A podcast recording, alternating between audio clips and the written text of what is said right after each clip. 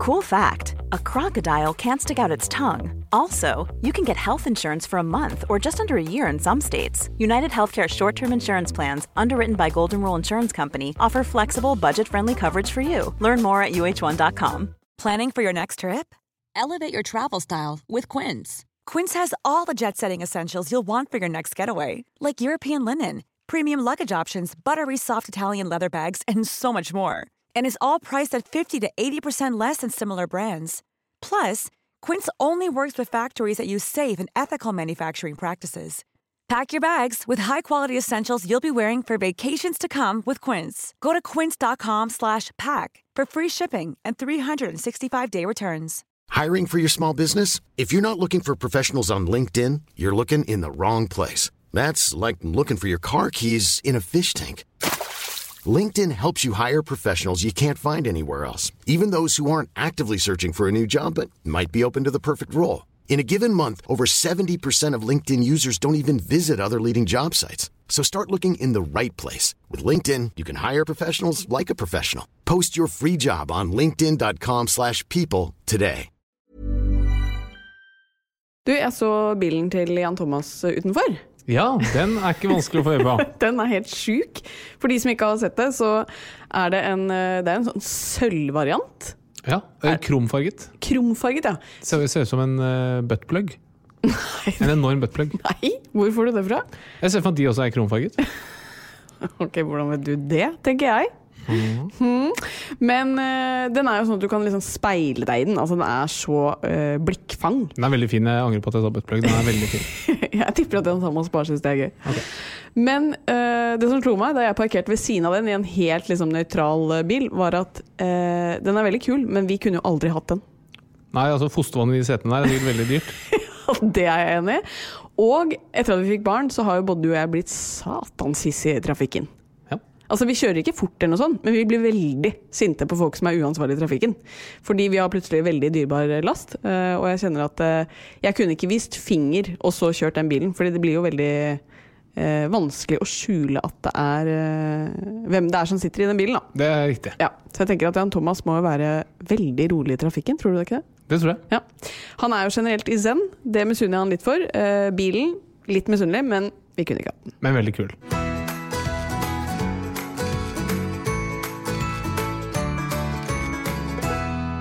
Hei alle sammen, og hjertelig velkommen til en ny episode av Åpen journal.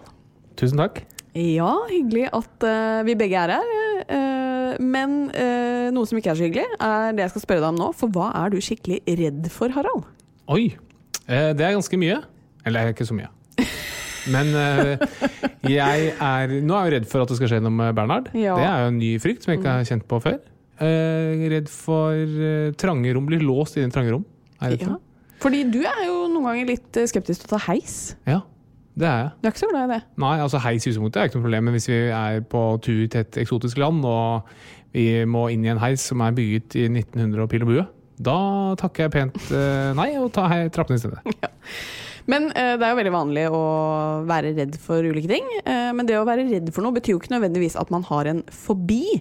Men dersom du er ekstremt redd for å fly, eller redd for edderkopper eller trange rom, sånn som du er, Harald, så kan det være at man har en fobi. De fleste av oss har eh, noen av de, og dagens tema er fobier. Jøss. Spennende, gitt. Du virker overrasket, men det kan du umulig være. Det er helt riktig, for jeg har fått sendt et manus til meg i forkant, og der står det fobier. En som har en helt spesifikk fobi, i hvert fall, det er dagens gjest. Eh, Hva det er, det skal han fortelle om eh, senere selv. Vi får nemlig besøk av komiker Nils Ingar Odne, aka Nilsi. Jøss. Ja, jeg føler du og jeg må få oss et eh, kallenavn i dag. Ja. Ja, Hva går du for? Jeg, jeg vil gjerne gjenoppta slegga fra Gråkammen. Det kan du gjøre. Eller så kan du eh, ta kallenavnet som moren din har på deg. Lilla Lally. Lally, ja. Det er en mulighet. Og jeg er Kriket. Cricket. Ja. Ikke si det sånn, for da høres det ut som du Byr opp til dans? Ja, initierer noe annet. Oh, ja. Ja. Jeg tror eh, det ville vært et stort sjokk for deg. Hva da? Hvis jeg bydde opp til dans. Det hadde vært et stort sjokk, ja. Det er helt riktig. Nei, men bra. Du er ikke æresmedlem i Norsk Kneperiforbund. Hvor kom dette fra? Nei, du bydde opp til dans. Jeg fødte for fire uker siden. Ja, så det, det er viktigere ting om dagen enn kneperier. Er helt Men eh, la oss bare legge den ballen død og rulle videre. Cricket.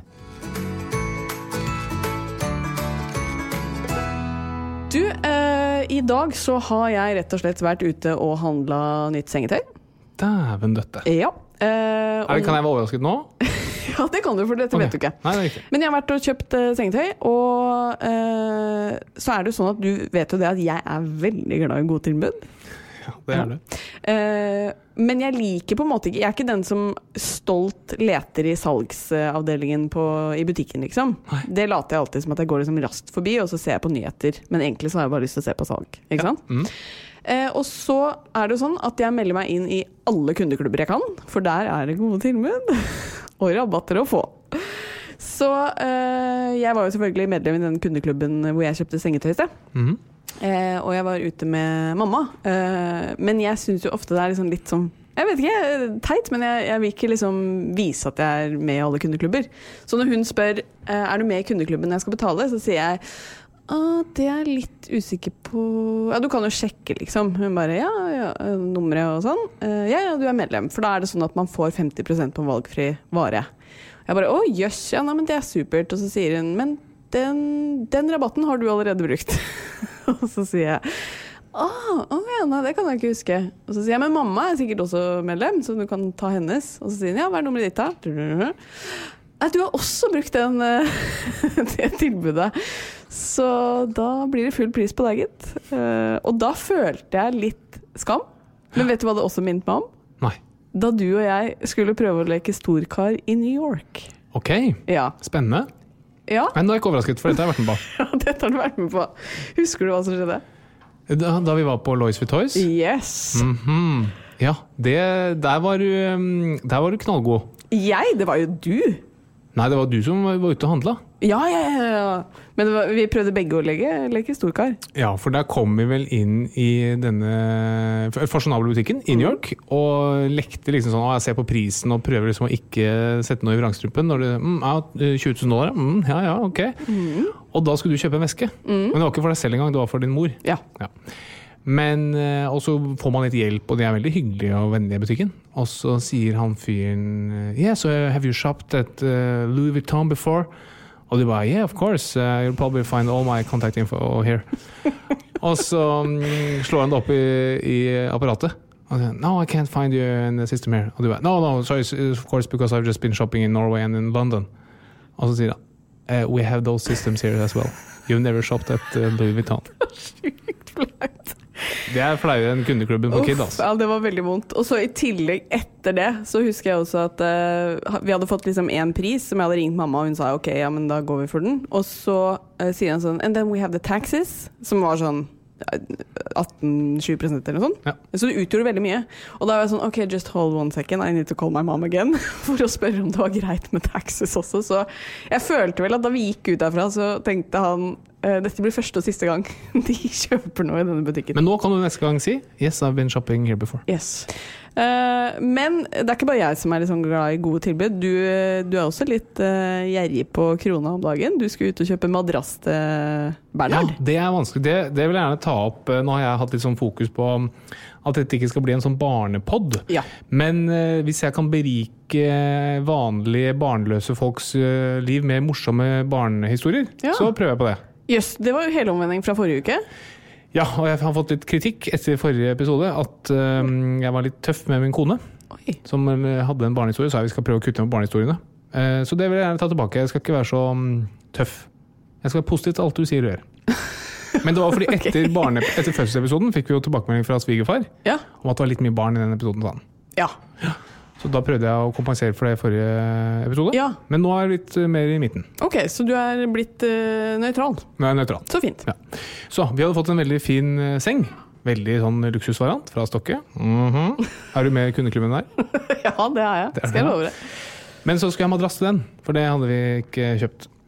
Og da dro jeg på et, en barnebutikk, hvor man får kjøpt ting til barn, ikke kjøpe barn. Um, og da skulle jeg ha madrass. Og så spurte jeg har madrass i sengen. Ja, det hadde hun da. Og da hadde hun to varianter. Det ene den er, det er sånn eh, noe skvip, sa han. Ja. Sånn, eh, hun sa det er nesten sånn skumgummi, bare litt bedre. Fiber et eller annet. Eller så har vi denne her, som er liksom den eh, luksusvarianten. med mye bedre termoregulering. Det er mykere for barnet. Litt sånn som tempur, Oi. som former seg etter barnet. Hvilken vil du ha, sa hun. Ja, det er jo, da, da tar du jo selvfølgelig den siste. Ja, men jeg gjorde ikke det. Jeg følte at han blir så bortskjemt, han Bernhard, at jeg tok den billige. Ja. Og da følte jeg meg så gjerrig. Oh, så grusomt. Tenkte jeg sånn, Utsetter jeg mitt barn for dette vonde greiene? Ja. Men jeg sto i det. Jeg måtte ringe deg på vei ut av butikken og si hva jeg hadde gjort. Og komme clean. Men så kom jeg på et tips som vi har fått for ikke så lenge siden. Og det var en bekjent av oss som har to barn. Og han sier han kjøper konsekvent de dårligste madrassene til disse to barna.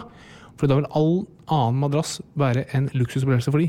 For det er veldig skummelt å skyte seg selv i foten ved å kjøpe en veldig dyr og fin madrass. For da får du ikke sove noen andre steder enn i de dyre madrassene. Nei, ikke sant? Og da, du vil jo at de skal kunne sove andre steder enn hjemme. Ja. Ja, skjønner. Så dette gjelder jo både hvis du har barn, eller hvis du er veldig ny i madrassgamet. Mm. Hvis du f.eks. er øh, stor nok til å høre på denne podkasten, men ikke stor nok til å ha opparbeidet en madrasserfaring. Mm For eksempel hvis du er fem-seks år. Tenk på det. Kjøp litt dårlige madrasser, fordi da blir du vant til det. Slipper du å øh, måtte øhm, slite med å sove hvis du sover på dårlige madrasser enn den du har hjemme. Ja. Var det forståelig?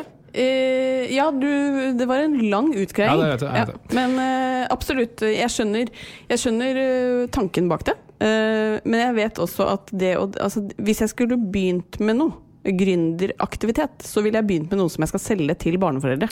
Helt enig. Og så vil jeg lage to varianter. Mm. En sånn bra variant, men som du kaller billigvarianten, og en ekstremt dyr variant. Ja. Men jeg gikk jo ikke i fella. Nei, du gjorde ikke det. Og det var egentlig litt uh, off character for deg, for Ja. å si det sånn. For Men du vi har jo huset fullt av greier til han eh, Bernhardsen. Det er riktig. Han eh, kommer ikke til å lide noen nød, det er jeg helt sikker på.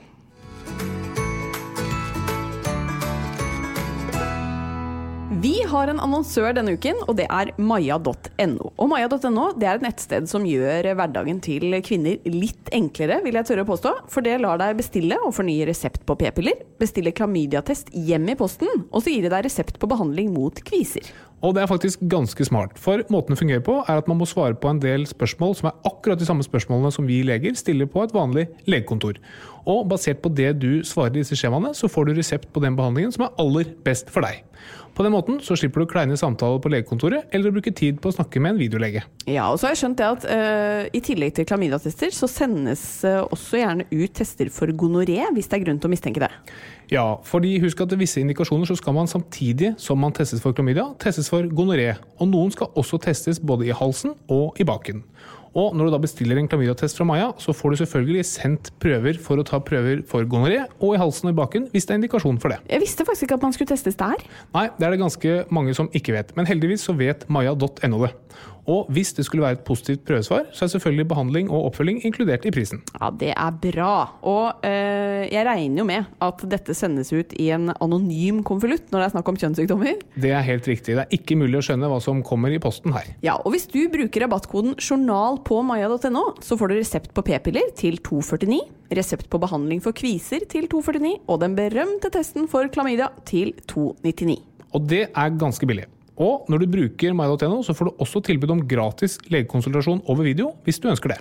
Dette får du altså på my.no, og rabattkoden er 'journal'.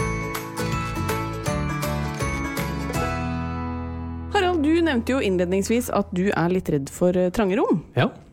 Eh, Og jeg på min side er jo veldig redd for skumgummi. Ja. Ja, jeg syns det er f.eks. det som er inni madrasser og sånn, synes jeg er helt forferdelig å ta på. Og bare jeg tenker på det, så får jeg liksom frysninger.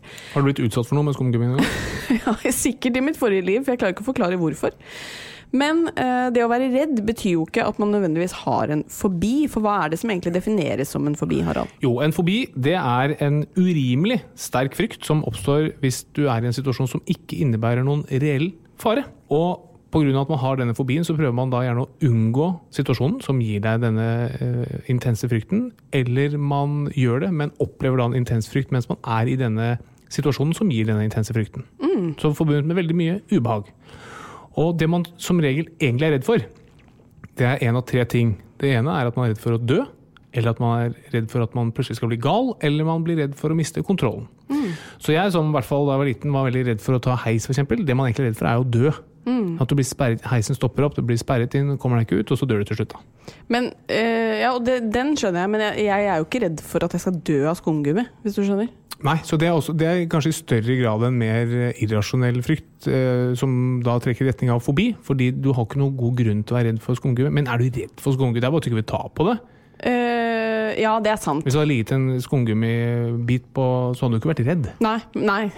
nei det er jeg ikke. Men uh, jeg hadde syntes det vært veldig ubehagelig å se på den ved siden av meg. Nei. Jo. Raring?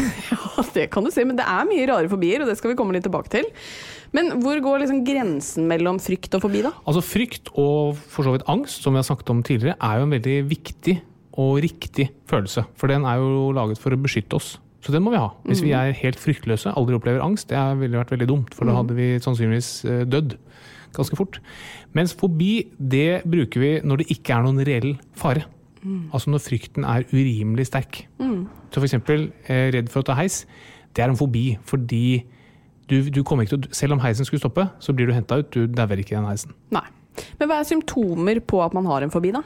Det er ganske enkelt. Det er bare at du kjenner en intens frykt, et intenst ubehag. Alle har hatt angst en gang eller to um, i situasjoner som ikke burde gi den følelsen. Mm. Så mange sier f.eks. at de har høydeskrekk. Hvis de står på en fjellknaus og titter ned. Det er jo ikke en fobi, det er jo helt reelt. Det er veldig farlig å dette utfor kanten. Da skal man oppleve frykt. Mm. Nå høres det veldig ut som at eh, fobi og angst er liksom det samme. Ja, Fobi det er, det er, jo egentlig bare angst knyttet til helt konkrete situasjoner. Ja. Så angst er følelsen eller opplevelsen, og så er fobi når du kan knytte til helt spesielle ting. Mm. For mange, hvis jeg skal ta min heisfobi, da, som er nesten borte nå, eh, så vil du si at det er jo ikke et problem i hverdagen annet enn når jeg tar heis. Nei. Ikke sant. Da skjønner jeg forskjell. Så det er, det er, når du har angst som kan knyttes opp til én helt konkret ting. Mm. Um, og for å være konkret, hva er de vanligste fobiene? Det som er veldig veldig vanlig, og som jeg tror blir vanligere og vanligere, det er frykten for hva andre tenker og føler om det. Uh, og det heter sosial fobi. Og så har vi noe som heter agorafobi, som er frykten for å være i situasjoner hvor du ikke kan komme deg unna. Agora det betyr torg, så det er som frykten for å være ute blant folk, eller ute på torget da, i gamle dager. Fordi du da kan komme i situasjoner hvor du ikke klarer å gjemme deg, eller mm. finne trygghet. Og så er det jo veldig vanlig å være redd for å fly, f.eks. Eh, og frykten for eh, dyr, som slanger og edderkopper. Også veldig, veldig vanlig fobi. Mm. Eh, men hvorfor utvikler man alle disse fobiene, da? Er det noe man gjør gærent? Eh, det er jo som alltid spiller jo genene våre veldig inn her, mm. dessverre. Så man er jo født med et utgangspunkt som kan være at du er, har veldig lett for å utvikle en fobi, eller om noen er født sånn at de aldri utvikler en fobi uansett uh, hva som skjer. Og så er jo tenkemåten ekstremt uh, viktig. Uh, noen er jo veldig oppmerksomme på all informasjon som tilsier trussel. Det har man sett at de som er plaget med mye fobier, de, hvis du viser i et, eller ber de lese en avis, Eh, så vil de få med seg veldig mye mer av den skumle informasjonen, eller informasjonen som tilsier trussel for de, enn folk som ikke har så mye fobier. Oh, ja. Og Der har tenkemåten mye å si. Hvordan er du programmert oppi i knollen? At fobi, det er jo bare sånn at Hadde du tenkt at det er ikke farlig, så blir jo fobien borte. Mm. Fobien er jo der fordi du av en eller annen grunn tror at, um, at, ting er farlig. Og så kan det være mye ting som skjer underveis. At du har opplevd traumer eller skumle situasjoner som setter seg, og som da skaper en fobi i senere tid. Det ser man jo mye når man jobber som lege på sykehus, f.eks. At barn som har vært mye på sykehus i ung alder, kan veldig lett utvikle fobi for sykehus og leger og nåler og sprøytestikk. Mm. Så tenkemåten er jo eh, veldig viktig når man skal håndtere fobier. Eh, hva er liksom tipsene dine til å håndtere redselen når den dukker opp? Jeg tror man, Det finnes jo faktisk veldig god hjelp, og det man gjør med fobier, er at du endrer tenkemåten, som vi snakket om. Når du f.eks. er redd for å fly, så skyldes det at du på et eller annet nivå tror at det innebærer fare å fly. Og klarer du bare å endre den, mm. så er fobien borte. Mm. Og det kan i teorien skje på ett sekund. At du bare plutselig skjønner at aha, dette var ikke farlig. Så eksponeringsterapi er noe som er veldig veldig effektivt for fobier. Og der har de i Bergen utviklet et sånn firedagersprogram som er ekstremt effektivt for å mm, helbrede folk med fobier. Mm. Så har du fobier, så vil jeg bare gått og snakket med en eh, fastlege, for eksempel, eller fastlegen din, som kan hjelpe deg inn i et sånn type program. Og det er veldig interessant med fobier at man, man skjønner ofte selv også at det er helt irrasjonelt. Mm. Selv de som er redd for å fly, sier jo selv ja, jeg vet jo at det er helt trygt, men allikevel får man den fobien. Og da handler det bare om hvilke mekanismer er det som trigges, som gjør at du får den intense frykten når du er ute og flyr. Mm. Du nevner et uh, behandlingsopplegg i Bergen, men hvis ikke man klarer å liksom, finne strategier som funker på egen hånd, uh, hva, hva, kan man gjøre av å oppsøke hjelp? Fordi alle kan jo ikke dra til Bergen. Nei, man kan gå til fastlegen, og dette programmet i Bergen det er på vei ut i andre steder egentlig i Ah. hele verden. Men du kan si at en fobi er jo ikke så farlig hvis ikke det har noen konsekvens. Det, er ikke noe, det har ikke så mye å si hvis du er redd for å fly så lenge du fortsatt flyr, og, og orker å stå i det ubehaget i en time eller to.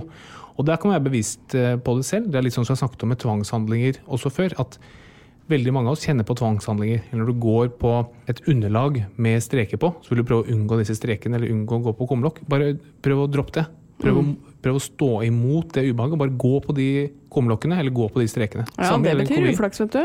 Ikke sant? Der har du litt av ulempen. da. Men samme med, er du redd for heis, bare ta heisen. Mm. Bare gjør det. Stå mot det. Og så eksponeres du hele tiden for disse situasjonene og skjønner at det ikke er farlig. Vips, så vil fobien gradvis forsvinne. Eksponering, eksponering, eksponering. Ja. Ja. Har du vært i Bergen? Eh, nei, skulle tro det. Men det finnes jo også noen litt rare fobier. Eh, og jeg er litt usikker på validiteten til disse som jeg nå har googla meg opp på nettet. Men eh, jeg kaster ut der likevel, jeg. Eh, har du hørt om f.eks. hippopotomonostrose-kyopomedaljofobie? Det har jeg ikke hørt om. Har ikke du studert medisin, du, eller? For det er, eh, ironisk nok, fobien mot lange ord. Ja, men det, er- det er sånn jeg er veldig lite fan av. For det er sånn det, det finnes sånn fobi mot eggeskall. Altså, du, kan jo Ja. lage, du kan jo lage et latinsk ord som beskriver en fobi, eller gresk er det kanskje. Eh, og det, det er liksom sånn? Her er det, det er liksom sånn et lite pønn. Ja. Det er jo, du lager et langt ord som beskriver frykten for lange ord. Ja, Det var kanskje morsomt når man studerte på førsteåret i medisin. For meg, Jeg lo. som er ferdig studert, ikke morsomt. Å ja, såpass, ja. Eh, Tryptofobi, da. Den her er faktisk eh, reell. Eh, trypto? Tryptofan? Nei, jeg vet ikke. Geom eh, det er frykten for geometriske mønstre. Og uh, dette er noe som veldig mange faktisk har forbi mot, inkludert meg selv. Fordi jeg er ikke glad i å se f.eks. veldig mange små hull ved siden av hverandre. Nei. Er du? Hvor er du ser mange små hull Nei, altså hvis du, kan, eh, hvis du tar en maurtue, så ser jeg liksom veldig mange hull inni den. Mm. Syns det er veldig ubehagelig å se på. Jøss. Ja, Mye og- rart oppi knollen din. Ja, men dette er mange andre som deler med meg, altså. Men da kan det være at vi ne- kommer ned til en fellesnevner for skumgummi. Hva, det, hva består skumgummi av? Ja? er det masse små hull? Ja, det er masse små hull. Ja, kanskje er det. Men Strato-sjokoladen, da? Nei, det går fint. Det er jo masse hull. Ja, men det går bra. Merk. Mm, ja. Det er veldig rart. Eh, men man kan jo også ha fobi mot bakterier. Det er ikke så veldig uvanlig. Eh, og det må jo være ganske tøft i disse tider. Ja, det er det absolutt. Altså, og det grenser jo også til dette med jeg har snakket om tidligere med, med angst og eh, tvangshandlinger. At du bør vaske deg eh, tusen ganger eller stå i dusjen og skrubbe seg så og så mange ganger. Og det, det som er også interessant med fobier, er hvor går grensen? Fordi fobi betyr at det skal være urimelig sterk frykt. Mens bakterier kan jo være farlig og skummelt. Sånn at er det farlig, eller var det opplevelse som farlig? Å ha frykt for å fly, det er jo ikke en fobi. Nei, unnskyld, det er en fobi, for det er ikke farlig. Mens mot bakterier, der kan det være en litt sånn glidende overgang. Ja. Eh, og det er jo spesielt interessant nå i disse koronatider. Og så aner det meg at du kommer til å slakte de neste fobiene jeg nevner. Um, det er optofobi. Det er fobi mot å åpne øynene. Men er, er, altså, dette var et ord, men fins lidelsen? Ja, jeg tror det. Jeg har, jeg har funnet det på Google. Og sist, men ikke minst, arikubutyrofobi. Fobi mot at peanøttsmør skal sette seg fast i oversiden av munnen. Nei, ikke sant? Men du kan lage hva slags altså, Flatlandofobi, Ja, Det har ikke du. det har ikke jeg. Du har det motsatte, si. Har du noen flere Ja, litt sånn artige artige fobier? Ablutofobi. Fobi mot å bade. Nei og nei og nei, man må jo lukte kjempevondt til slutt. Ok. Eh, da har vi jo eh, fått klarhet i fobier, har vi ikke det? Nå er tiden forbi.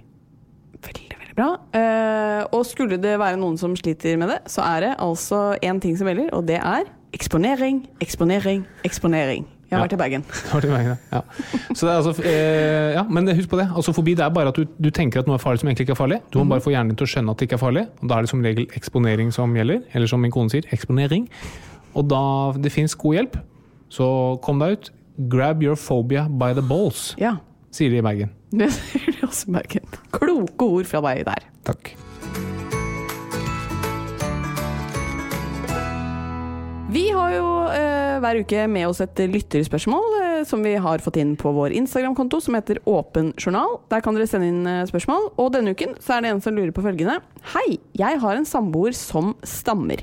Jeg har prøvd å finne litt info, men finner svært lite. For eh, jeg er egentlig bare nysgjerrig. Jeg har ikke lyst til å kurere han på noen måte.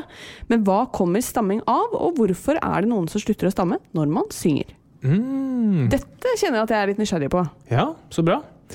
Um, altså Stamming er ganske komplisert, men som med all utfordringer, lidelser, um, så har genene våre ganske mye å si. Og uh, genene våre er jo det som er grunnlaget for hvordan hjernen vår er laget og fungerer, f.eks. Og i hjernen vår så har vi mange områder som prosesserer språk, altså måten vi snakker på.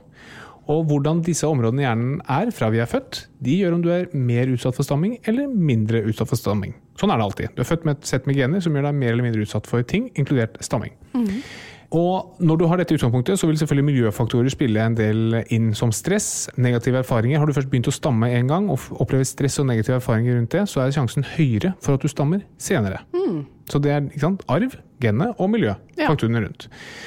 Um, og når du snakker, så er det veldig mange av disse områdene i hjernen som, hjernen som er involvert. Og når du snakker i dialog med en person, så er det også mange sentre i hjernen som følger med på hvordan den andre personen reagerer.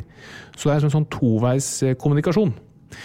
Når jeg snakker med deg, jeg står og prater, jeg må tenke på hva jeg skal si neste, jeg må følge med på hvordan du reagerer. Det er en ganske tung prosess. Mens når man synger, så lurer jeg ikke på hva du syns på samme måte. Og det, jeg lurer ikke på hva jeg skal si. Jeg har et uh, manus eller en sangtekst som jeg skal forholde meg til. Mm. Det er bare tekst som skal ut, så det er veldig mange færre og andre områder i hjernen som er involvert. Eh, og Det som også er litt interessant, er jo da at man kan synge uten å stamme. som er helt riktig. Men som også er interessant, hvis du som stammer snakker samtidig og sier det samme som andre som ikke stammer, f.eks. at man skal lese opp en tekst samtidig, så er det ofte at man ikke stammer. Og Det er en effekt som heter koralleffekten. Mm. Så, det baserer seg på når du snakker inn i et eh, korall, så kommer det ekko tilbake. Ah. Var med på den? Ja, ja. Klarte jeg å forklare det? Ja. ja. Så um, det er egentlig hovedårsaken. Veldig mange sentre som er involvert i kommunikasjon. Mm. Og når man kommuniserer, snakker med folk, så er det eh, man er hele tiden opptatt av denne feedbacken. Mm. Og hele tiden sitter jeg og lurer på hva er det neste jeg skal si. Mm. Og hvis jeg er litt engstelig for å Jeg har stammet én eller to ganger. Litt engstelig for å stamme igjen, så vil det påvirke et negativt som gjør at jeg er mer tilbøyelig til å stamme neste gang. Ja. Det er forståelig. Ryddig forklaring, rett og slett. Takk for det.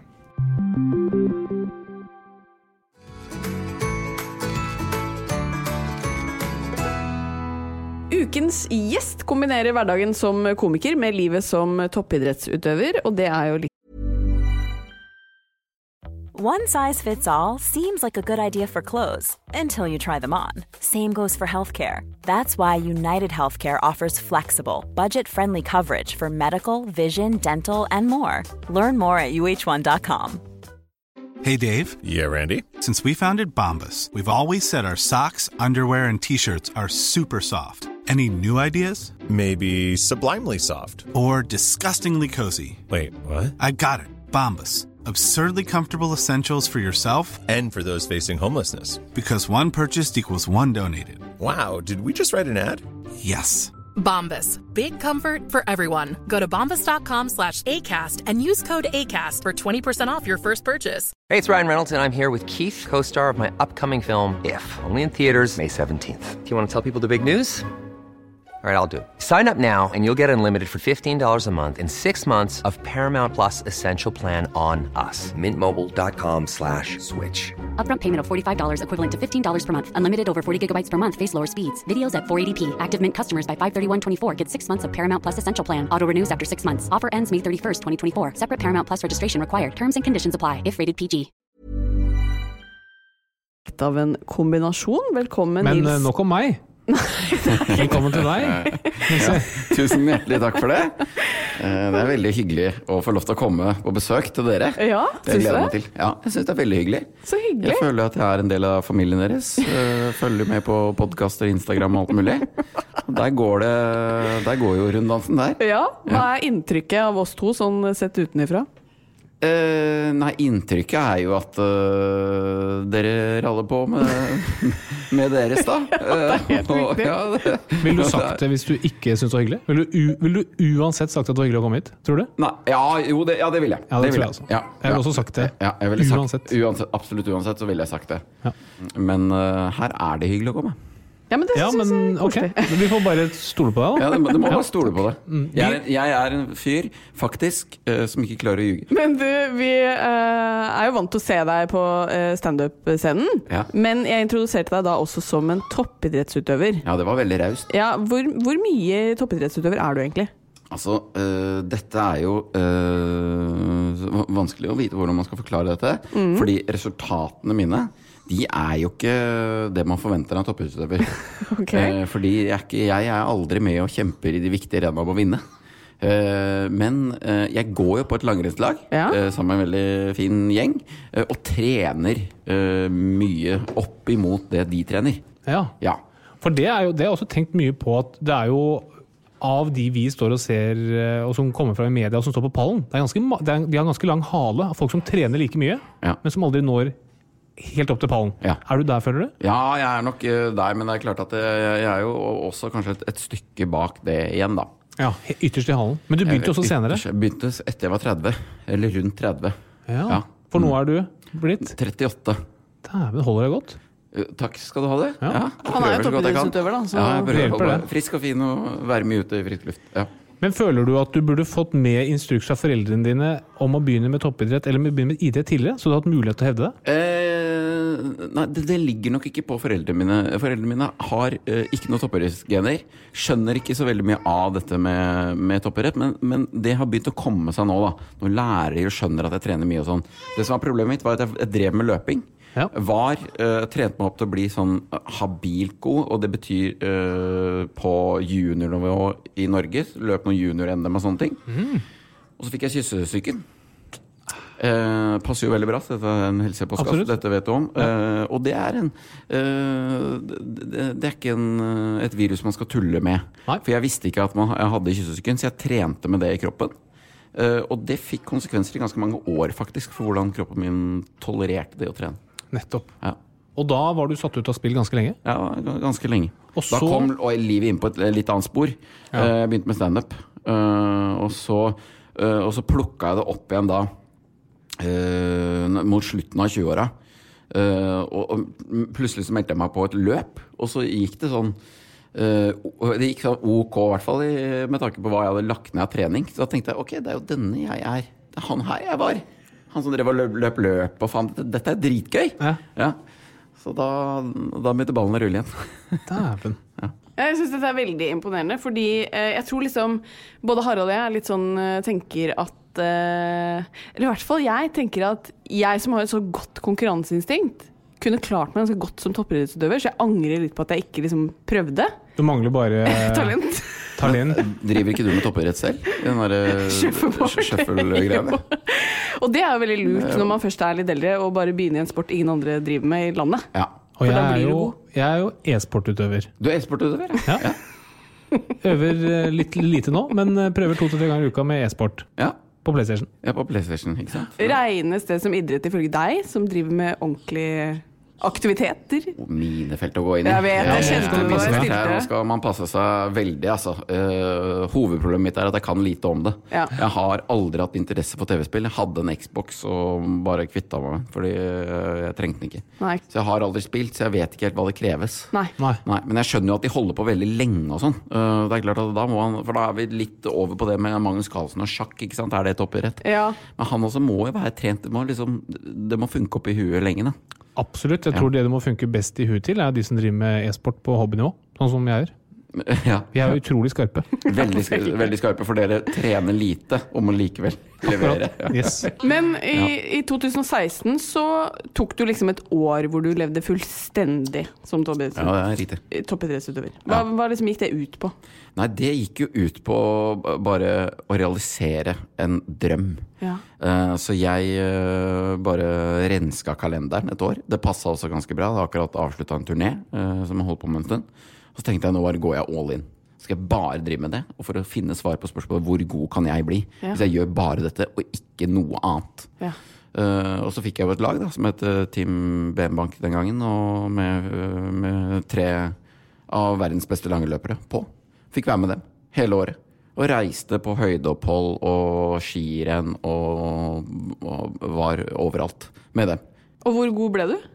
Eh, jeg ble jo brukbar, så har jeg nok blitt enda bedre i ettertid. Oh, ja. For det er jo ikke liksom det, er ikke, det handler ikke om ett år med trening, og så er du god. Det handler om mange år å ta Mm. små steg da, når man kommer opp på et visst nivå. Da. Men eh, som eh, idrettsutøvere flest, så regner jeg jo med at du da er veldig liksom, opptatt av helse. Ja. Ja. Ja, det, ja, det vil jeg si. ja hvor sunt lever du, liksom? Jeg lever ganske sunt, ja. Ja. Mm, jeg gjør det. Eh, jeg er opptatt av å gjøre det beste ut av det. Ja. Eh, og opptatt, veldig opptatt av å ikke bli sjuk, spesielt i perioder. Ja. Eh, så den, den tilværelsen vi er i nå, Mm. den er egentlig ikke så ukjent. Fordi nå, nå har jeg jo prøvd å ikke være hysterisk før, men for i konkurransesesong, liksom. Den er ikke så lang for meg, for jeg har ofte turnert mye før jul, så jeg får ikke gått noe renn da. Så det handler om januar, februar, mars. Eh, Veldig mye trening for ganske kort periode. Hvis du får en, eh, hvis du får en influensa Mm. der, så har du spoilert i hvert fall halve sesongen. Da. Um, så jeg har jo vært sånn at uh, håndhilsing da liksom Det har jeg ikke likt så godt. Nei. Jeg har vært på jobb liksom, på eventer og sånne ting og må ta mange i hånda. Rett å vaske hendene eller og antibac. Ja, og Holder du deg frisk, da? Ja, Stort sett? ja, stort sett så gjør jeg det. Stort sett så gjør jeg det. Har du noe stalltips annet enn å vaske hendene godt etter håndhilsing? Tar du gummibjørner f.eks., eller noe kosttilskudd? Jeg tar ikke noe kosttilskudd i det hele tatt, for det har jeg ikke noe trua på. Nei! Ikke tran? Uh, nei, ikke tran, men jeg spiser masse fisk. Uh, spiser veldig mye fisk. Spiser fisk tre til fem ganger i uka. spiser fisk. Eh, Det jeg ikke ja, og for det har jeg trua på. Ja, Men jeg syns alltid det er interessant å høre om eh, idrettsutøvere drikker alkohol. Gjør du det? Nei, eh, men jeg drikker jo ikke alkohol. Ikke i det hele tatt? Eh, nei, jeg har aldri drukket alkohol. Eh, Aldri? nei, aldri. Jeg begynte ikke å drikke når alle andre begynte å drikke. drikke. Kom fra bygda, der begynner vi på, på ungdomsskolen. Det er der skillet går. Mm. Da begynner festene. Da begynner man med det. Jeg avsto fra det, og så har det blitt sånn. Hva gjorde du da? Da de andre begynte å drikke Nei, da Jeg var jo med litt på de Arrangerte noen av de festene, blant annet. Gjorde Liksom, det? noen må jo holde i trådene her. Så det, Du skjenka oppi Tequila, liksom, men ja, eh, ja. På, nei, på lokalet og sånn, liksom. Sørga for å levere inn uh, sånn tillatelse til politiet og sånn, at vi skulle ha fest. Og så, ja, det var jeg som fylte ut og ordna og alt det. Så det, det sørga for at alt det formelle var i orden. så folk kan, kunne komme og feste fritt. Ok, Så du er veldig opptatt av eh, helse, men er det sånn at du liksom flyr ned hos fastlegen og eh, ringer for den minste ting, liksom? Nei. Nei. Jeg prøver å ikke tenke så mye på det. For det meste går jo over av seg selv, da. Ja, det er Eh, riktig. Så de fleste plagene jeg har hatt, har jo vært sånn på på influensa og på Manflu. Manflu, liksom. Ja. Jeg var, jeg var eh, man, blir sånn, man blir veldig opphengt i å trene, ikke sant? Og opphengt i å prestere, opphengt i liksom det å, å, å være klar til renn og sånn. Så hvis man får en sånn eh, forkjølelse, så blir man helt sånn uh, vilt stressa på dette må ikke ta for lang tid. Ja. Så man, man må gjerne sjekke ganske tidlig om det er bakterier eller virus osv. Så, videre. uh, så det hender jeg prøver å få gjort, da. Men når du da først går, går til legen, så vet jeg at du har uh, en aldri så liten fobi. Jeg har det. Jeg har sprøytefobi. Skikkelig. Og blod. Eh, så hvis jeg ser for eksempel Jeg er veldig, veldig glad i krim. Ja. Eh, og hvis det da er mye blod, da kommer puta. Du trenger puta, Da må, jeg, liksom. da må jeg puta fram, og det er uansett om jeg er aleine eller om det er noen flere der. Det er helt uavhengig av det. Da må jeg ha den foran til det der. Så eh, titter jeg sånn så vidt fram. Er det ferdig med blod? Ja, det er det. Ok. Men hva er det du syns er så ubehagelig, Altså, det liksom? er forferdelig ubehagelig. Eh, jeg tok blodprøven da jeg var ganske liten og svima av to ganger. Og etter det så har jeg liksom uh, lossa litt på de greiene der. Så jeg er, veldig, jeg er helt tydelig på det når jeg skal ta blodprøve. Jeg må ligge. Ja. Så da må jeg legges bakover, og så skjønner jo de fleste sykepleierne ståa, så de snakker en del. Det hjelper veldig mye. Ja, det ikke sant? handler jo bare om å få hodet over på noe annet. Ja, for da, de, de prater så mye, og det er kjedelig at du sovner uansett? At da ligger du der? Nei, helst. Nei, da, jeg prøver å fokusere maks på den samtalen. Eh, og tenke at det er kjempeinteressant. Så hvis de begynner å snakke om det, så bare, ja, dette vil jeg svare på. Ja, men det er For fint, å få vri tankene over dit. Det er min eneste ordentlig, ordentlig forbi, faktisk. Og, Ja. eh, og, og jeg kan være litt sånn Noen ganger har jeg tenkt litt sånn kjapt når noen sier at jeg er redd for edderkopper, eh, edderkopper, så tenker jeg sånn pff, den er jo ikke farlig, den Nei. lille edderkoppen. Hva er det med deg, liksom? Men da må jeg tenke på meg selv. Tenk at de har det samme forhold til edderkoppen som du har til sprøyter. Ja, og og da er- forstår jeg det. Ja, for det er en fysisk reaksjon liksom du får. Ja, det er sånn. Jeg må liksom Jeg må manne meg opp litt. Ja. I en alder av 38 nå. Det er ikke så vanlig, men jeg hadde jo litt samme med blod før jeg begynte å studere medisin. Ja, Men det har jo heldigvis gitt seg, da. Men Ja, det tenker- håper jeg. Ja, det håper jeg det er kjedelig hvis legen svimer av. Sånn.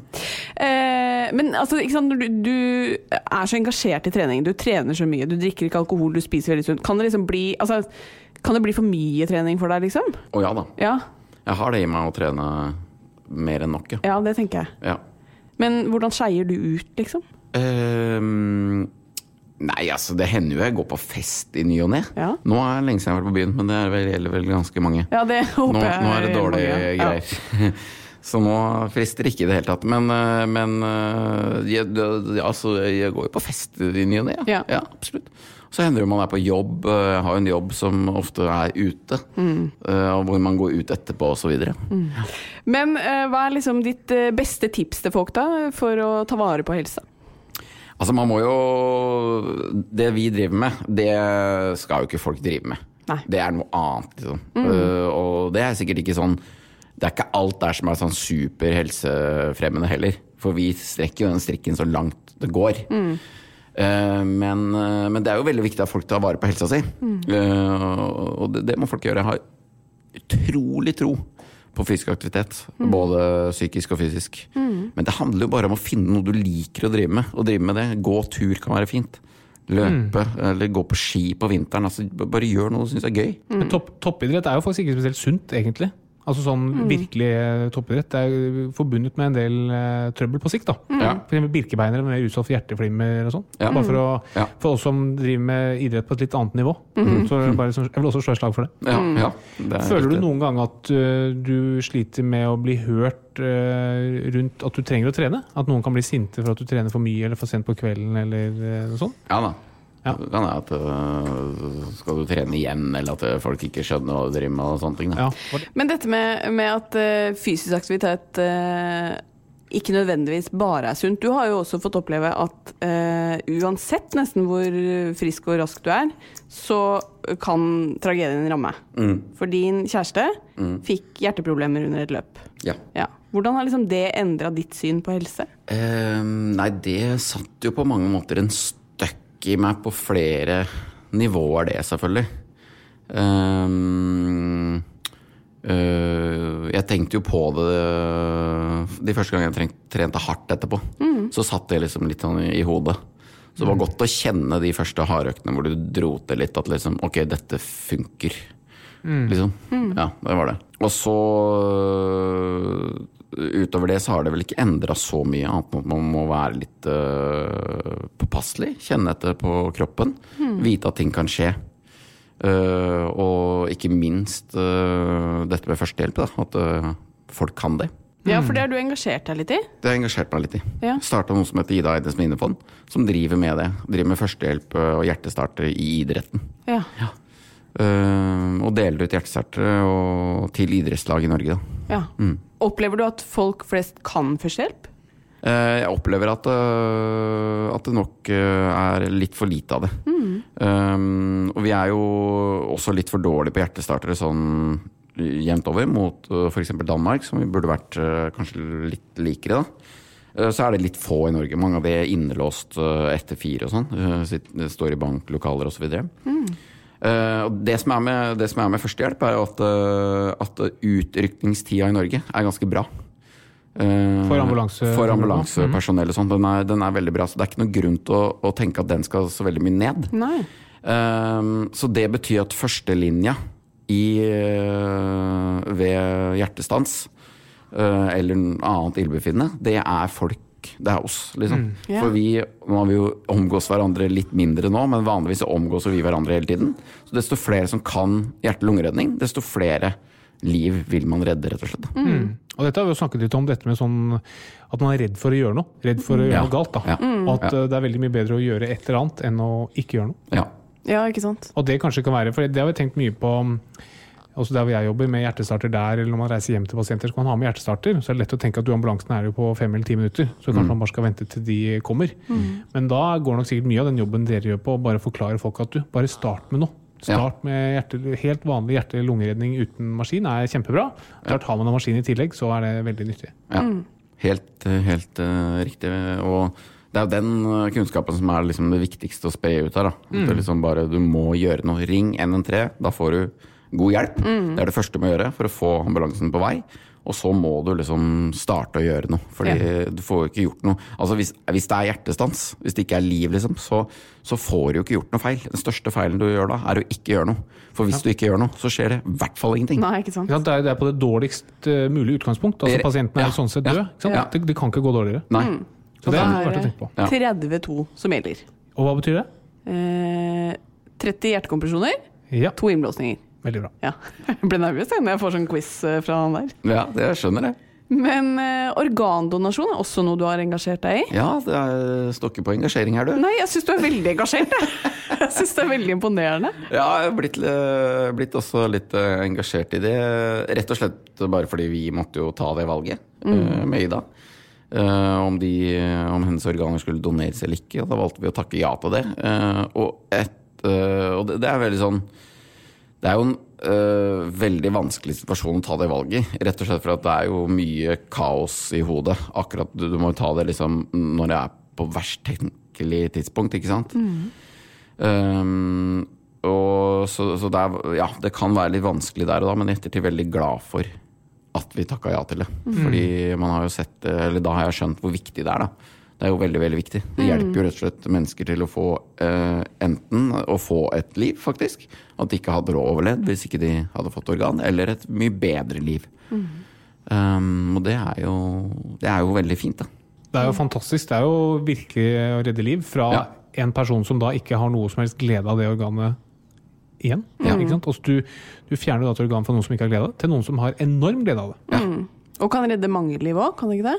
Absolutt. Det er ganske mye man kan eh, donere bort. Det er mer enn jeg eh, visste. Ja, ikke Det må jeg bare si. Ja, det er det. Ja. Men, og jeg mener at jeg har en app på mobilen, hvor jeg har på en måte tatt stilling til det. Det er riktig. Ja, Uh, og den fant vi også på Ida sin mobil. Vi bare brukte litt lang tid på å Ja, ikke sant. å leite Ja, så hun hadde tatt stilling til det? Hun hadde tatt stilling til det. Eh, men akkurat når vi får spørsmålet, så, eh, så må man liksom komme på det. Og så er det så mye Mm. Ja, annet i selvfølgelig. hodet da, sånn, så det er litt sånn vanskelig. Så, så det, er, det er veldig bra øh, hvis folk har den appen, tenker jeg. Eh, og, og, og det er jo veldig enkelt det med organdonasjon, for det, er det eneste du trenger å gjøre, er jo egentlig å snakke med de nærmeste og si ja, jeg ønsker å være organdonor. Ta et standpunkt. Ja. Kan ikke det være en oppfordring? At man kan i hvert fall lese litt om det, og så eh, kan det liksom redde utrolig mange liv og gjøre mange liv mye bedre. Ja. Og jeg tror det er, det er nok lurt å ha tatt eh, det av, avgjørelsen på forhånd. Fordi når du står der, og du står ved sykehussenga, og du, det ser ut som at vedkommende puster og lever, da er det veldig vanskelig å svare ja. Ja. Har du, mens eh, har tenkt på på forhånd, så er den beslutningen mye lettere å ta. Ja. Og det er, det er virkelig Der har du mulighet til å gjøre en forskjell for andre. Altså. Ja. Og sett meg opp på lista til uh, Nilsis lever, hvis det er en liste der ute. Hvis noen på Rikshospitalet sitter og fordeler, jeg sier fus på det. Generelt eh, alle dine organer, Nils, jeg er litt fysen på, fordi Unnskyld? Nei. Jeg mente ikke det. Jeg mente han er så sunn og frisk. Fader, altså. Ok. Skal vi ta quiz, eller? Altså. Nå ble jeg Altså, jeg, jeg føler jeg er på date. Jeg føler jeg sitter og overværer en date mellom dere to. Ok, vi går til quiz. Vi går til quiz.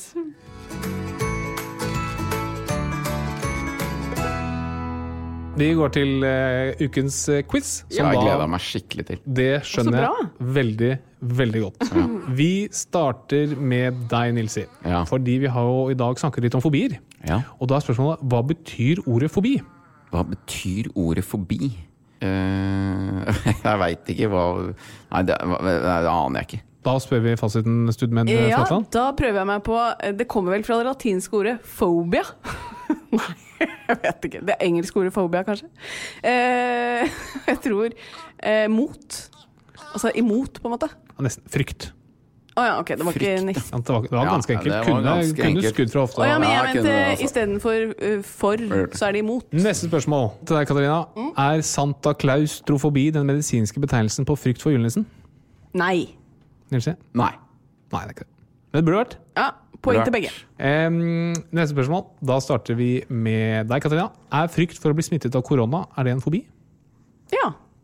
Ok, Nilsi? Nei, det er bare en uh, helseangst.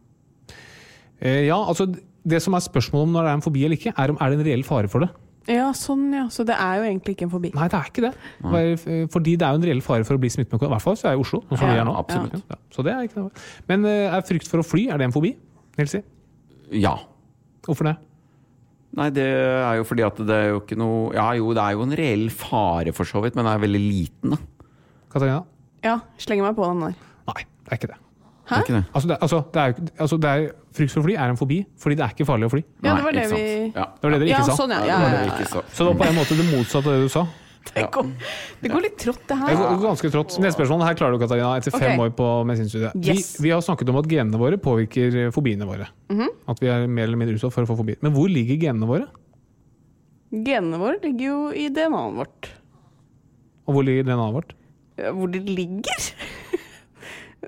Men det ligger jo i cellene. Ja, det ligger i cellene. Foreløpig ett poeng til Nilse. Det ligger i cellene. Hvor i cellene, Nilsi?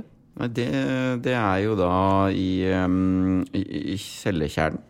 Hva sier du, Katarina? Ja, men jeg har også lyst til å si ribosomene. I cellekjernen er helt riktig. Cellekjernen er helt riktig. Hva er det ribosomene gjør, da? Nei, Ribosomene er noe annet. Ja. Men det ligger i noe annet som rimer på ribosom. Kromosom. Ja, ja, ja, ja, ja. Men det vet vi jo. Faen. Ja, men da må du si det inn i mikrofonen der. Nei, vet du hva, det, det, var, det var svakt av meg. Det kan jeg være enig i. Men cellebiologi, det hadde vi, på, det hadde vi første året. Det er litt lenge siden. Det er faktisk ni år siden jeg har hatt det. Ja, minst. Eh, nå skal du Ja. få en, en veldig enkelt spørsmål. Du har jo gått på den utdannelsen en stund.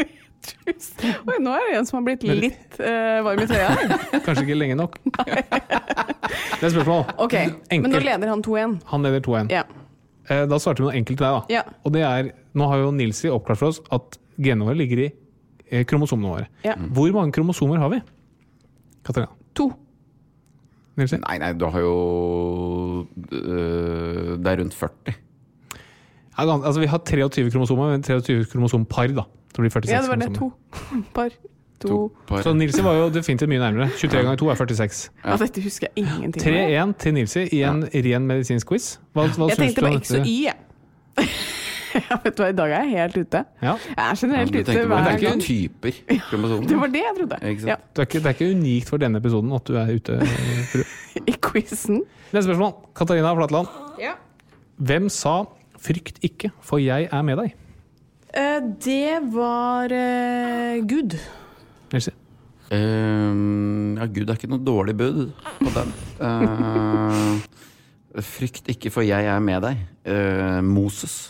Det var Vår Herre. Ja, det var det. Yes! Det var nok det. Ok. Jeg må bare Der satt den. Da er vi på Nå er vi på 3-2, da. Ja. Til Nilsi. Ja. Neste spørsmål. Siste spørsmål. Her kan det bli uavgjort. Ja, det Eller kan du det. kan gå av med en knusende seier. Nilsi. Det kan du si. Kan. Penia, starter med deg, Nilsi. Ja. Peniafobi det er frykten for å bli fattig. Men hvor putter disse pasientene ofte pengene sine? Uh, ofte, i, ofte i banken. Katarina? Jeg, bare, jeg har bare lyst til å si at peniafobi kunne fort vært noe annet. Ja, Det er Ikke fordi sant? du kun tenker på penis fra du står Absolutt. opp til Ja, legger Jeg deg. også trodde det før vi kom Ikke sant? Ja. Uh, hvor de putter pengene sine. Uh, jeg vil jo tro at de gjemmer det et eller annet sted. Mm. De spiser de. Ja, du sa bank. Hvilken bank? Hvilken bank? Husbanken? Hjertebank. Hjertebank. Ja, nei. Oh, ja, det var et tullespørsmål. Du kan, det, dette har vi snakket om før. Du ah, ja. kan ikke ha tullespørsmål som siste spørsmål. spørsmål. ja, unnskyld. Da må jeg uh, ta det opp med manusansvarlig. Ja, for at, det- nå, ble, nå hadde jo ikke jeg mulighet til å vinne, på en måte. Nei. Det, det har ikke noe med mine spørsmål å gjøre. Det har med ditt intellektuelle nivå å gjøre. Det er en annen vurdering. Ja, ja, det er Vet du hva? Det har vært kjempehyggelig å ha deg her, Nilsi. Gratulerer så mye med seieren i quizen. Tusen hjertelig takk. Det var, det var stort. Altså jeg, altså jeg, har jo konkurranseinstinkt. Det var helt fantastisk. Ja, men du leverte ganske dårlig, du òg. Sånn ja, jeg leverte øh, ganske dårlig. jeg er fordelen. veldig fornøyd med de der cellegreiene. ja, det skjønner jeg. Der var jeg bedre enn jeg hadde turt å håpe på. Det er fordelen med å stille quiz mot Katrina. Du kan levere ganske dårlig, og likevel vinne. ja, i dag var det begredelig. I dag. Kun i dag. Ja. Du, Lykke til med treningen fremover. Det går jo mot ny sesong, så her er det bare å stå på. Ja, det er bare å gønne på. Takk for det. Tusen takk. Til deg også. Ja. Vi er tilbake neste uke. Hei da. Ha det. Ha det. Plan B. Hva er det til middag, pappa? I dag blir det billig middag. Ja, nå lanserer Ekstra billigmiddag. Det betyr at du alltid får 20% på et kylling, kjøtt, fisk og vegetarprodukt. Vi har også utviklet raske og enkle oppskrifter som tar utgangspunkt i disse produktene. Oppskriftene finner du på coop.no ekstra. Så se etter billigmiddagssymbolet hos Ekstra, og gjør middagen billig. Even when we're on a budget, we still deserve nice things. Quince is a place to scoop up stunning high-end goods for 50 to 80% less than similar brands.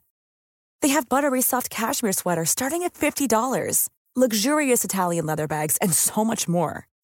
Plus, Quince only works with factories that use safe, ethical, and responsible manufacturing. Get the high-end goods you'll love without the high price tag with Quince. Go to quince.com/style for free shipping and 365-day returns.